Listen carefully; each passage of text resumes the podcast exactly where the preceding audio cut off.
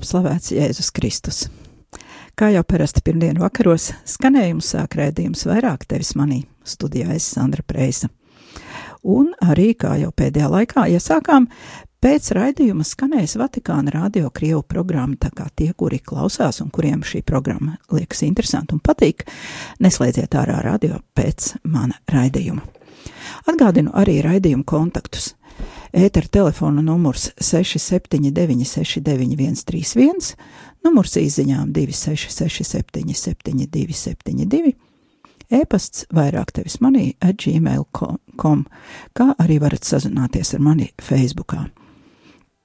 Šodien turpināsim tēmu par pazemību un tās pareizu vai nepareizu izpratni dažādās situācijās, Tā kā visbiežāk pazemība drīzāk tiek piesaukta, kad veidojas sarežģītas attiecības starp cilvēkiem, tad šovakar turpināsim pētīt, kā kļūdaina izpratne par šo brīnišķīgo tikumu var aizvest cilvēkus tālu prom no gaidītās personības izaugsmes. Bet tagad lūksimies Dieva tēva un dēla un svētā gara vārdā Āmen. Tēvs mūsu, kas esi debesīs, svētīts lai top tavs vārds, lai atnāk tava valstība Tavs prāts, lai notiek kā debesīs, tā arī virs zemes. Mūsu dienascho maizi dod mums šodien, un piedod mums mūsu parādus, kā arī mēs piedodam saviem parādniekiem. Un neieved mūsu kārdināšanā, bet atpestī mūs no ļaunā. Āmen! Bet tagad, dziedot līdzi Dominikāņu brāļiem, novēlēsim šā vakara raidījumu Svētā Dominika aizbildniecībai.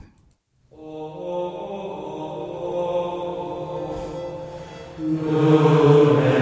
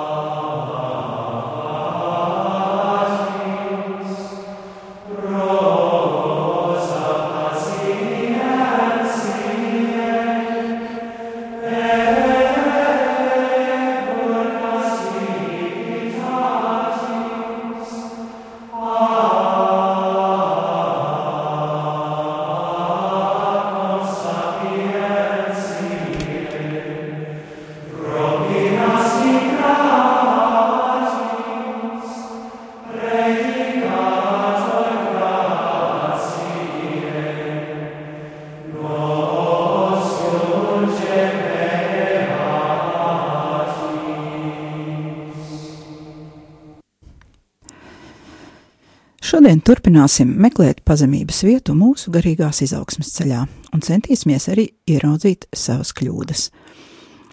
Dažreiz mēs tik labi mākam savas kļūdas saukt citos vārdos, ka tad, ja mums pašiem tās atklāja, ir grūti noticēt, ka mums nebija taisnība. Šīs dienas raidījuma pieteikumā rādījuma arī Latvijas mājaslapā šodien solīja minēt kādus piemērus, kuri izklausās pilnīgi absurdi. Savu solījumu turēšu bet tagad visu pēc kārtas. Iepriekšējā raidījumā runājām par ticības mācības kongregācijas vēstuli Plakit Deo, jeb Dievs nolēma. Tā tika izdota, jo pāvests uzskata, ka mūsdienu sabiedrība dažādu kultūras attīstības procesu dēļ ir attālinājusies no izpratnes par to, kas ir cilvēks, kāds ir cilvēka mērķis un aicinājums, Ko nozīmē pestīšana un kāda vieta katra individa pestīšanas noslēpumā ir citiem cilvēkiem, dievam, tēvam, kristum un baznīcai? Arī es savos raidījumos visu trīs sezonu garumā laiku pa laikam esmu atgriezusies pie tēmas par to, kas ir cilvēks un ko nozīmē cilvēka cieņa, un arī kādas konsekvences, jeb sekas no tās izrieta. Kā jau esam sapratuši, garīgajā dzīvē, tāpat kā fiziskajā, visas lietas ir saistītas. Ja mūsu ķermenī kāds orgāns ir slims, tieši vai netieši cieši arī visi citi orgāni un kopējā pašsajūta. Tā arī garīgajā dzīvē viens tikums palīdz attīstīties citam tikumam, tāpat savā starpā ir saistīti arī netikumi un kļūdas, un tie velk līdzi nākamās kļūdas un nākamos netikumus. Ja kļūdaini izprotam to, kas ir cilvēks un kādu vēsti mums nes Kristus ar savu dzīvi, nāvi un augšām celšanos, tad neizbēgam radīsies kļūdas arī tajā, kādā veidā mēs mēģināsim sekot Kristum un kā mēs evaņģēlīja vēsti nesīsim citiem cilvēkiem. Un vai tā vispār būs evaņģēlīja vēsts, kuru mēs citiem mēģināsim nest, ja paši nebūsim sapratuši šos jautājumus? Tagad vēlreiz atgriezīšos pie dokumenta Plakit Deo, kuru par tik ļoti svarīgu patreizējā baznīcas un visas sabiedrības situācijā uzskata pāvests Francisks. Citēju dokumentu.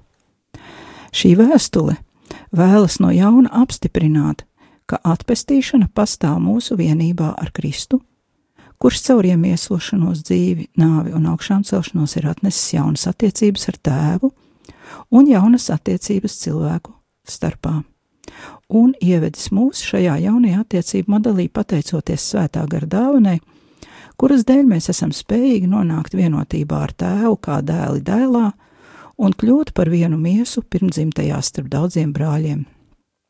Kā saka vēstule romiešiem 8,29. Citāta beigas. It kā ļoti saprotamas lietas, bet kur tad rodas kļūdas, ja viss liekas tik pazīstami un vienkārši? Tālāk šis pats dokuments dod dažas atbildes. Lai gan cilvēks savas sirds dziļumos ilgojas pēc tuvības ar Dievu, viņš to līdz galam nesaprot. Katrs cilvēks ilgojas pēc laimes, taču bieži to saprot kā labu veselību vai ekonomisko labklājību, kā iekšēju mieru vai labas attiecības ar saviem tuvākajiem.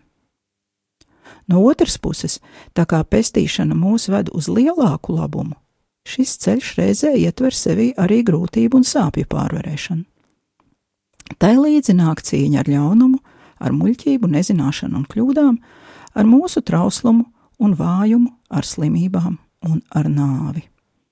Tas ir dokumenta trešās daļas, piektais punkts, citāta beigas. Tālāk dokuments skaidro. Patiesa personas pestīšana neietver sevī lietas, kuras cilvēks var sasniegt ar saviem spēkiem, kā piemēram īpašumus, materiālo labklājību, fiziskās vai intelektuālās spējas un sasniegumus, spējas ietekmēt citus cilvēkus, labu reputāciju vai pašpietiekamību. Trešā nodaļa, sestais punkts. Tā kā solīju šodien runāt par domāšanas kļūdām un to novešanu līdz absurdam, tad jau atsaucoties uz tikko dzirdēto, pirmais piemērs. Tas būs no ārsta Ābrahama Tverska prakses, kurš vada 12 soļu programmu atkarīgajiem. Lūk, ko viņš no savas prakses stāsta par šo nepareizo garīgumu izpratni, vai precīzāk, neizpratni. Pretstatā dzīvniekiem, kuriem ir tikai fiziskas vajadzības, cilvēkos slēpjas arī tieksme pēc garīga piepildījuma. Kad, šī gar, kad šīs garīgās vajadzības netiek apmierinātas, cilvēks izjūt garīgu trauksmi.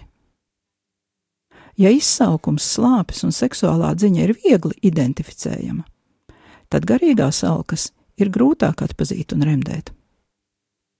Cilvēks varbūt jūt, ka kaut kā pietrūkst, bet nezina, kas ir šis kaut kas. Lielākā daļa cilvēku pieredzes gaitā apgūst to, ka ir kaut kādas lietas, kuras sniedz iepriecinājumu. Un rezultātā var rasties atkarīga cilvēka domāšanas veids kurš noved pie centieniem nomākt neskaidrās garīgās ilgas ar ēdienu, narkotikām, seksu vai naudu. Bet tas nekādā veidā neatrisina pamatproblēmu. Tas neapmierina garīgās vajadzības. Viena atkarība var aizstāt citu, taču garīgās ilgas tā arī paliks neapmierinātas. Daudz atvesaļošanās laikā ir teikuši: Atturības brīžos es sevi jūtu tādu kā tukšumu. Man nebija ne jausmas, kas tas par tukšumu. Tagad es zinu, ka tā bija tukšā vieta, kurā vajadzēja mitināties dievam. Citāta beigas. Lūk, mēs jau arī dzirdējām, ka šis citāts, kas ir ņemts pavisam no citas, no cita avota un no citas prakses, ļoti sasaucas ar šo ticības mācības kongregācijas vēstuli, un tas tikai apstiprina to, ka šī, šī vēstule tiešām ir laikā un vietā rakstīta, jo patiesi cilvēki jūt šo tieksmi pēc garīgās dzīves, pēc attiecībām ar Dievu, un ļoti bieži neatpazīst, kas tas vispār ir. Lūk, tāds ir bēdīgais stāsts par kļūdaini izprastajām cilvēku vajadzībām, un te ir arī mūsu vieta preventīvai darbībai. Tas ir iemesls, kāpēc mums būtu labi jāpārzina mūsu ticības mācība plašākā nozīmē, nekā sniedz tikai svētdienas skola vai elementāra katehēze. Daloties evaņģēlīja vēsti ar saviem tuvākajiem, mēs varam viņiem palīdzēt aizpildīt šo neapjausto un vārdā nenosaukto tukšumu, un tādā veidā pasargāt no iekrišanas atkarībās. Tomēr arī šeit mēs varam izdarīt kļūdas. Tas, kas palīdz neiekrist atkarībā, bieži vien vairs nevar palīdzēt tad, ja atkarība jau ir iestājusies. Un šeit labas gribas cilvēks var izdarīt ļoti smagu kļūdu, mēģinot palīdzēt atkarīgajiem. Visbiežāk šādā veidā kļūdās sievietes, kuru vīri vai dēli ir atkarīgi. Gadījumos, ja atkarīgi ir sieviete vai bērns, eh, nāk, piemērs, kurus minēšu tālāk, var arī nederēt, jo bērniem un eh, sievietēm mēdz būt arī citi iemesli atkarībai, un arī citādi šīs atkarības ir jāārstē vai jātiek ar viņām galā. Un šodien es nerunāšu par atkarībām kā tādām, un arī necentīšos eh, kādu mācīt, jo es neesmu speciālists šajā jautājumā, bet tikai izmantošu vēl, paturpināšu šo piemēru no eh, ārsta Abrahama Tvērska grāmatas. Tātad šis pats ārsts dalās šādā pieredzē. Jaunieša, kurš sevi indēja ar alkoholu un narkotikām māte, nespēja saprast, kā dēls var būt tik nevērīgs pret postošajām sekām viņa dzīvē. Un viņa lūdza palīdzību ārstam, gribēdama zināt, kā pret dēlu jāizturas. Taču vienlaicīgi viņa ārstam saka: Tikai nesakiet, ka man viņš jāizdzer no mājām, vai ka man nav jāmaksā drošības nauda, lai atbrīvotu viņu no cietuma. Kaut ko tādu es negribu dzirdēt.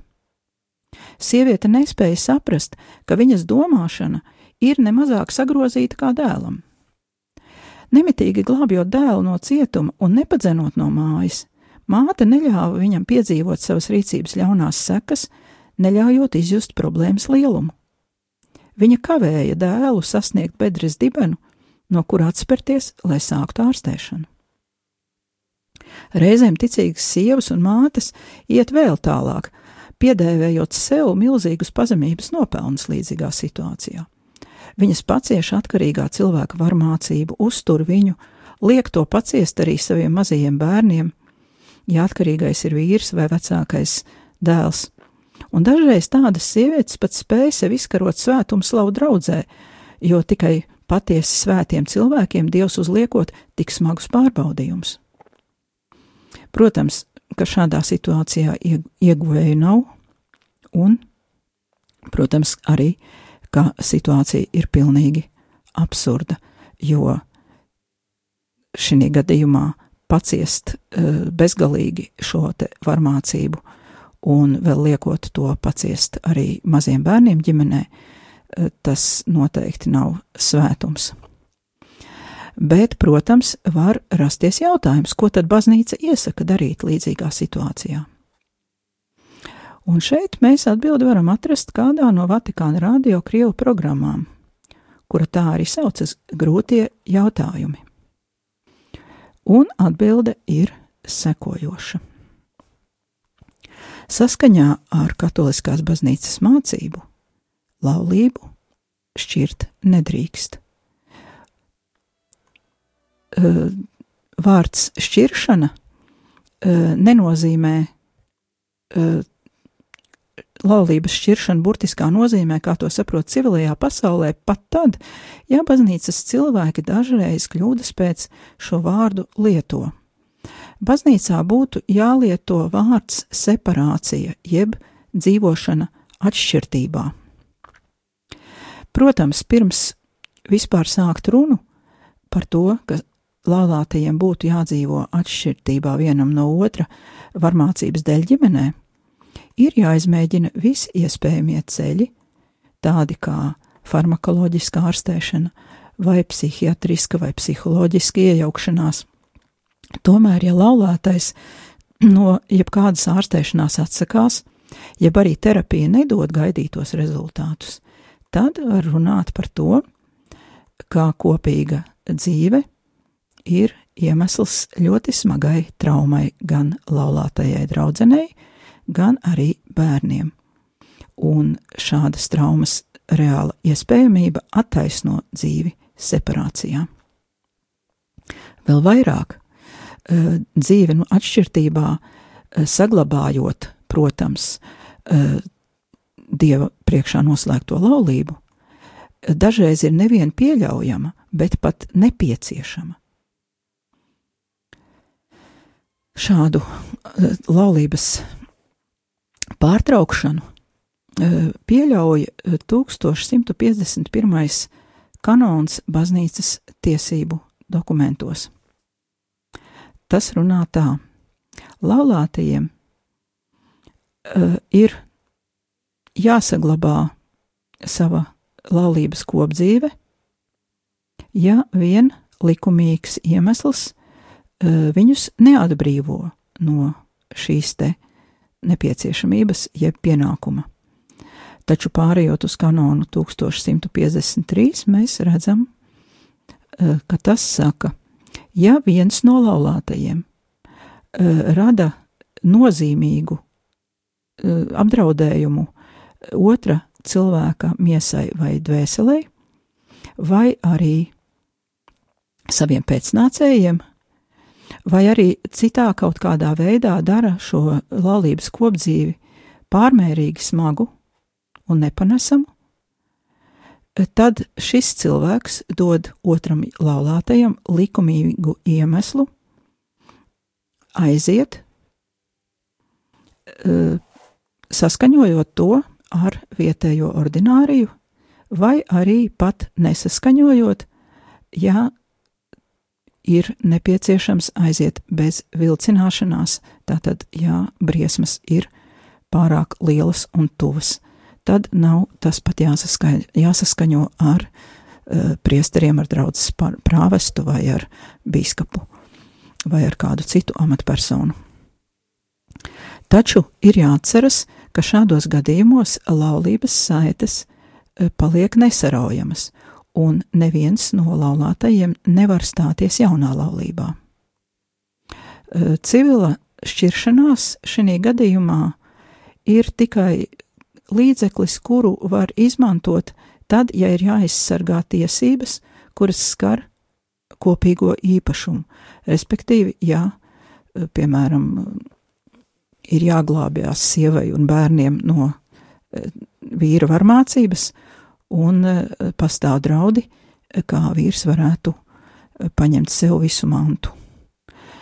Civilā šķiršanās nekādā veidā neskar laulības nešķiramību, kura ir noslēgta baznīcā.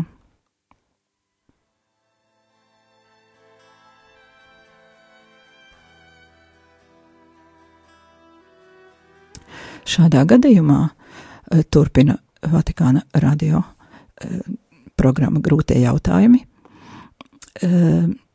Ja lieta ir nonākusi tik tālu, ka laulātajiem draugiem ir jādzīvo separācijā, tad cietusī puse, kura nav vainīga šai separācijā, drīkst iet pie svētiem sakramentiem.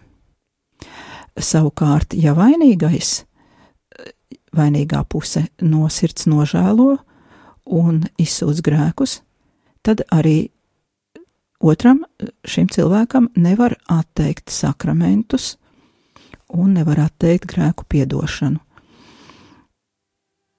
Arī ticīgo vidū ir izplatīti maldi, ka tad, ja laulātie dzīvo separācijā, viņi nedrīkst iet pie svētiem sakramentiem e, tikai šīs te separācijas dēļ. Tāpēc vēl reizi atgādinām, ka svēto komuniju un citus sakramentus nedrīkst pieņemt tie šķirtie, kuri ir salauzājušies e, civili otrais vai dzīvo nelaulāti, un viņu laulība skaitās derīga.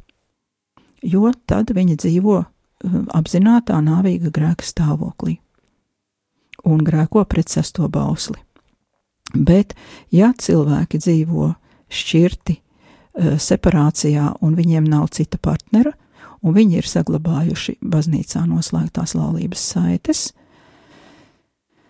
tad viņi var iet pie sakramentiem. Tātad tas būtu uh, baznīcas skatījums uz šo jautājumu.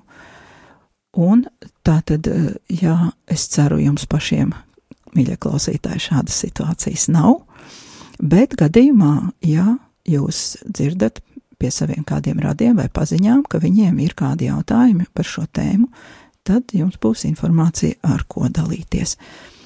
Bet tagad maz muzikālā pauzīte, un pie reizes tas ir arī vēlējums apsveikums dzimšanas dienā vienam no klausītājiem, kuram diezgan labi patīk Kaspar Dimitra muzika un kuram rīt ir dzimšanas diena.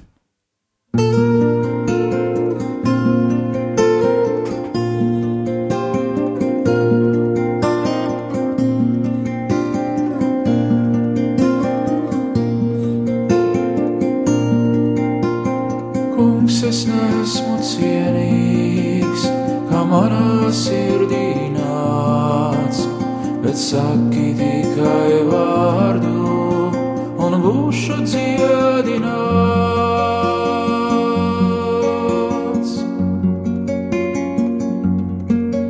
Sirds grēku aptumšotā, tad žēlastību būs un tevis apgaismotā par mājokli. tev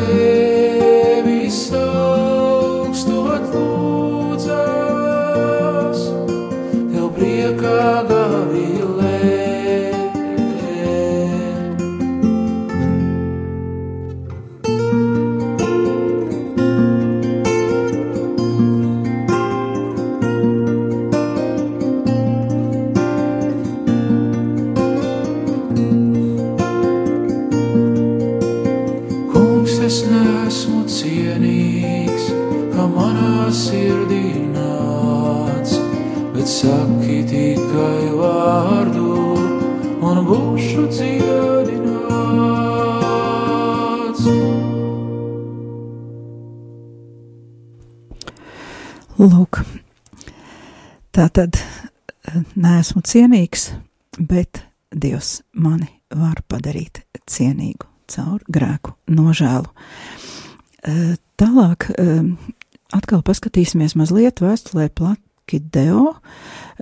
Tālāk tā pieskaras ļaunuma problēmai, par kuru mazliet dzirdējām arī dziesmā, un kura arī visos laikos ir bijusi par pamatu pārpratumiem, domāšanas kļūdām un herēzēm.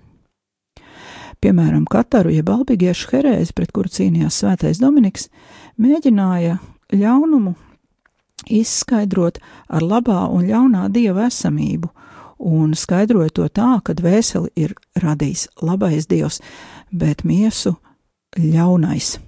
Savukārt Mārtiņš Luters, kurš arī, kuram bija problēmas ar ļoti smagiem kārdinājumiem, un viņš nevarēja nekādu saprast, kā dievs var, labais dievs var viņu tik ļoti pārbaudīt un kārdināt, viņš meklēja ļaunumu pašā dievā. Bet tagad citēju šo te vēstuli, kura, jāsaka tā, vienkārši saliek visu pa plauktiņiem. Citāts no trešās daļas, septītā punkta.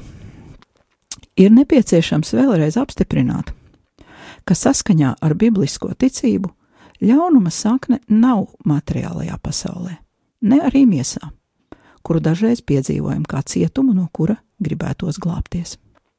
Tieši pretēji, ticība sludina, ka viss radītais, gan visums, gan radības ir labs, jo visu ir radījis Dievs.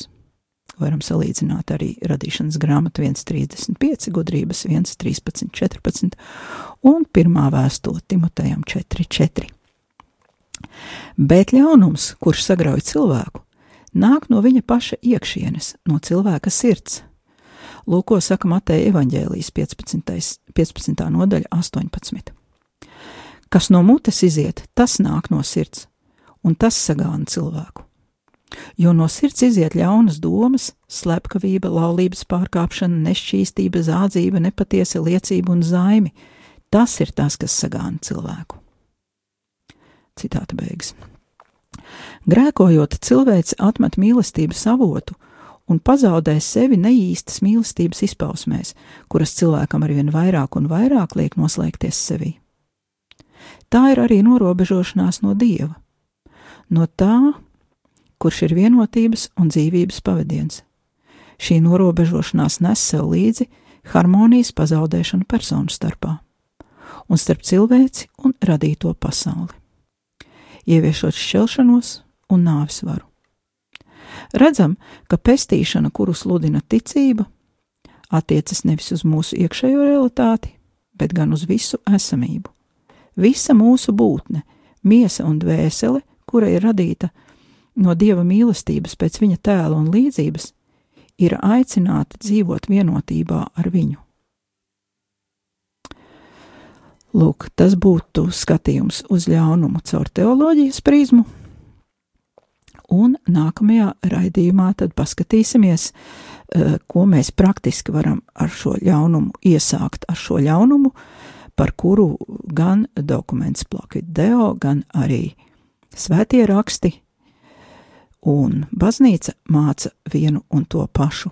Visas radītās lietas ir labas, ļaunums slēpjas mūsu pašu cilvēku iekšienē, mūsu vājumā, mūsu pirmzimtā grēka sekās un mūsu ļaunajās izvēlēs. Un tagad arī no jums atvados un atgādinu, ka pēc raidījuma būs uh, neliela muzikāla pauzīte, un pēc tam sāksies uh, Vatikāna radio Krievu programma. Atkal varēsiet dzirdēt atbildes uz kādiem grūtajiem jautājumiem, bet es no jums atvedos. Raidījums vairāk tevis manī izskan, un ar jums biju es, Sandra presa.